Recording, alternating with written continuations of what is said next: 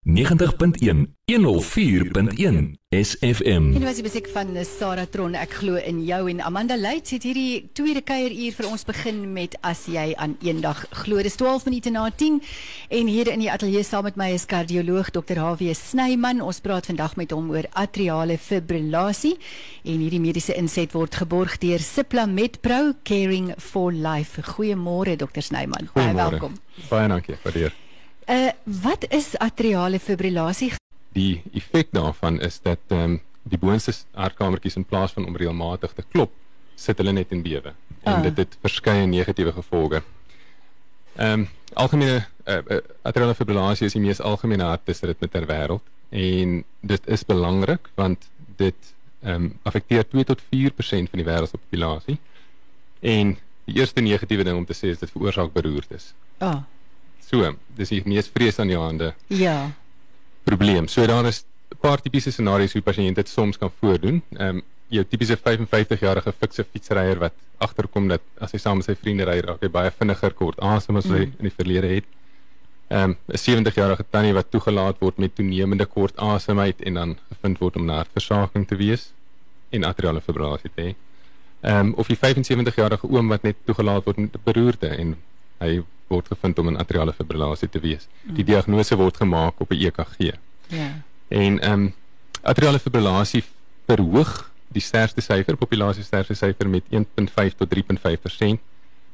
20 tot 30% van alle beroertes word toegeskryf aan atriale fibrillasie en ongelukkig is hierdie die katastrofiese tipe beroertes, nie die klein beroerte wat 'n mens van baie goed herstel soms nie. Mm. Ehm um, 20 tot 30% van pasiënte met atriale fibrillasie ontwikkel hartversaking en daar is ook baie sterk assosiasie met demensie, ehm um, ongeag van of jy vorige beroerte gehad het of nie. En major depressie en ehm um, dis een van die algemene oorsake van hospitalisasie. Ehm um, daar is 'n paar uh risikofaktore en mense wat die hoogste risiko staan om atriale fibrillasie ontwikkel. Ouderdom is maar die grootste ding. So hoe ouer jy is, hoe hoër jou risiko. Oor 65 begin jou risiko te styg vir AF. Ehm um, diabetes mellitus tipe 2, die metabooliese sindroom waar jy baie gesels, is 'n groot risikofaktor vir AF. Hoë bloeddruk, veral onbeheerste bloeddruk. Ehm um, obesiteit is 'n baie sterk risiko risikofaktor. Hartversaking per se, maak nie saak wat die oorsaak is nie, klepsiekte, ehm um, of spiersiektes van die hart of kroonaarsiekte. En dan een belangrike ding wat sekerlik op een of ander tyd ook bespreek moet word, obstruktiewe slaapapnee. Dis 'n toestand waar jy ophou asemhaal in die middel van die nag voordat jy in 'n diep slaapfase ingaan. Mm. En ehm um, dit het 'n paar negatiewe gevolge en atriale fibrillasie is een van hierdie gevolge.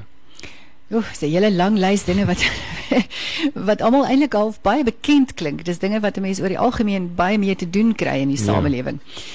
Klanke van Darrow is volgende met White Shade of Pale en dan gesels ons verder met kardioloog Dr. HW Snyman. En dit was die musiek van Doro, White Shade of Pale. Dit bring ons by 19 minute na 10 en in die SFM SFM ateljee vanoggend is kardioloog Dr. HW Snyman. Ons praat oor atriale fibrillasie en hierdie mediese inset word geborg deur Cipla Medpro Caring for Life. Dr. Snyman, watse persone het die hoogste risiko vir beroerte weens uh, uh, atriale fibrillasie en hoe kan ons hierdie risiko aanspreek want dis regtig nie 'n pad wat iemand wil stap nie. Nee, soos ek reeds gesê het, is daar baie komplikasies van atriale fibrillasie, maar beroerte is seker die mees gevreesde een. Hmm. En die behandeling uit die aard van die saak is geskoei rondom hierdie komplikasies en die ver voorkoming daarvan. So nie alle pasiënte met atriale fibrillasie het dieselfde risiko vir beroerte nie en ons het baie navorsing gedoen om te probeer uitvind wie is die mense wat geteken moet word om beroertes te voorkom want ons kan nie die hele populasie ehm um, net op hulle sit nie. Mm. So weer eens hierdie gaan klink soos herhaling, maar die risikofaktore wat lei tot AF is ook van die risikofaktore wat jou beroerte risiko verhoog. So ouderdom weer eens kom eerste. Ehm um, bo 65 en as jy bo 75 is, gaan jou risiko nog 'n trappie op. Hartversaking, as jy reeds hartversaking het, weer eens tipe 2 diabetes, ongekontroleerde hipertensie, nierversaking is ook een van die risikofaktore nog nie genoem nie. As jy vorige beroerte alreeds gehad het, is jou risiko baie hoog uh, om nog een weens atriale fibrillasie te ontwikkel. En dan as jy kroonaarsiekte het, so mense wat vorige hartaanvalle of risiko vir hartaanvalle het, um, bevestigde kroonaarsiekte, dan het jy ook 'n risiko om 'n beroerte kr- te kry wanneer jy atriale fibrillasie ontwikkel. En dan het vrouens geringe hoë risiko as mans om 'n beroerte te kry. Mans het 'n hoër risiko as vrouens om atriale fibrillasie te kry. Ah. So ons kanselleer mekaar uit daarso. So die behandeling van atriale fibrillasie is geskoei op daardie ehm um, daardie beginsels Die eerste beginsel natuurlik is dan 'n beroertevoorkoming en daar's verskeie meganismes waaronder sekere meganiese meganismes wat ons gebruik ook om beroertes te voorkom, maar dit is net vir 'n sekere persentasie vir pasiënte. Die oorgrootste meerderheid van pasiënte benodig bloedverdunners. En daar's een punt wat ek baie duidelik moet maak, disprin of die ewe knie van disprin is by verre nie goed genoeg om hierdie risiko te verlaag nie. Inteendeel, disprin vir die behandeling van hierdie spesifieke toestand verhoog net jou bloedingsrisiko sonder om jou te beskerm teen 'n beroerte.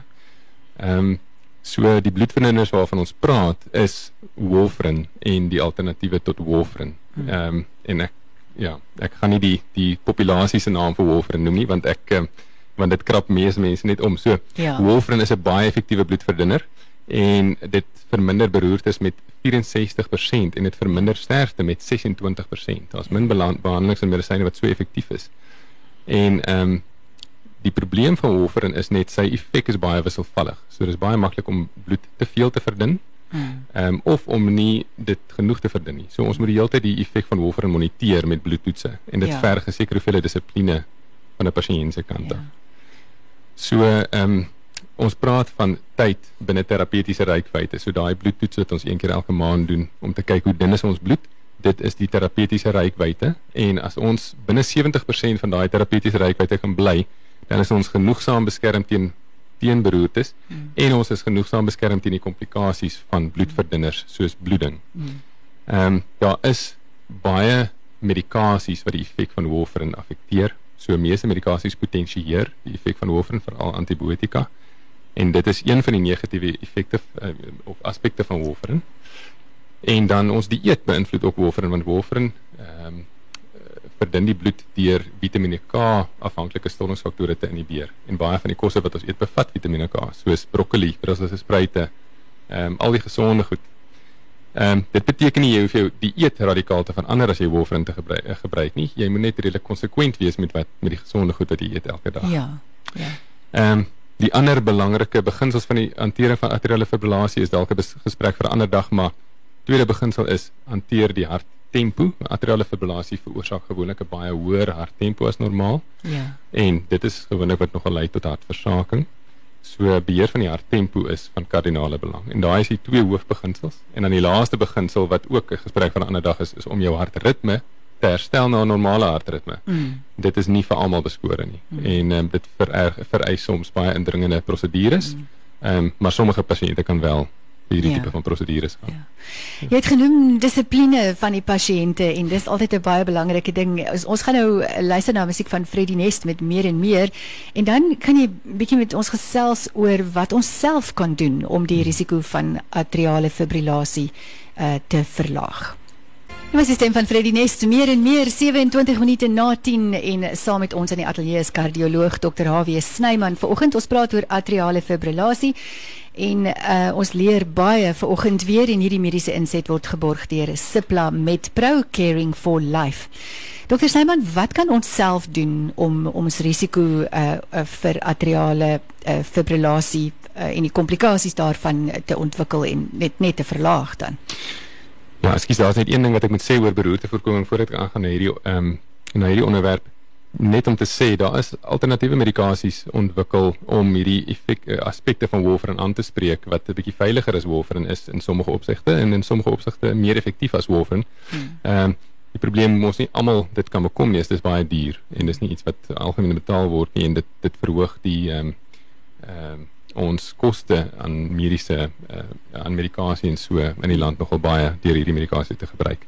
Maar ehm um, daar is alternatiewe medikasie beskikbaar. Ehm um, wat 'n mens kan doen om jou risiko vir die ontwikkeling van AF te verminder is ehm um, kom maar weer neer op die basiese risikofaktore vir atriale fibrillasie. So wat ek reeds genoem het, hipertensie. Dit is baie belangrik om jou bloeddruk baie goed te beheer. Hoë bloeddruk is 'n asymptomatiese toestand. Baie mense verwag dat hulle gaan lighoofdig voel of hoofpyn voel as hulle bloeddruk nie beheer is nie. Dit is glad nie die geval nie. So hipertensie is in 90% van mense 'n asymptomatiese toestand en om dit goed te beheer is baie belangrik. En ehm um, nou vir die dokters onderhalwe, jy weet verkieslik daar sekere medikasies wat meer gewig dra by die behandeling van bloeddruk soos eisinhibitore wat 'n mens meer beskerm teen atriale fibrillasie as die ander medikasies. Dan beheer van jou bloedglikose, behandeling van jou slaapapnee, weer eens 'n onderwerp vir 'n ander dag, maar dit is vreeslik belangrik om te sorg dat jou slaapapnee behandel is. Al drie hierdie ehm um, uh aspekte word aangespreek deur gewigsverlies. Gewig gewigsverlies staan sentraal in in baie van hierdie probleme. So gewigsverlies moet uit die aard van die saak genoem word. En dan ehm um, met vermyding van oormatige alkoholgebruik. Ek nog niks daaroor gesê nie, maar alkohol is in sommige mense 'n sneller vir atriale fibrillasie veral in oormatige gebruik. So as jy 'n kandidaat is met hoë risiko om AF te ontwikkel, dan is oormatige alkoholgebruik 'n belangrike ding om te vermy. En dan um, is dit belangrik om hoë risiko pasiënte te sif vir die ontwikkeling van atriale fibrillasie. Die uitdaging van die diagnose van AF is dat dit in sommige pasiënte kom en gaan en om dit te diagnoseer moet die mense dit vas lê op 'n EKG. Ehm um, so en is asymptomaties in vreeslik baie mense. Baie baie mense het geen simptome van AF nie. Die eerste voordoening is 'n beroerte. Mm. So as jy risiko staan om AF te ontwikkel weens hierdie risikofaktore wat ek reeds genoem het, dan is dit belangrik om te sif daarvoor. En daar's baie dinge wat nou ontwikkel word om te sif vir AF. Ons as dokters gebruik Holter EKG's en ehm um, toestelletjies wat ons onder die vel implanteer om jou hartritme dop te hou maar um, in die publiek is daar alreeds baie goed ontwikkel so slimfoon toepassings wat jy kan gebruik om jou hartritme te moniteer.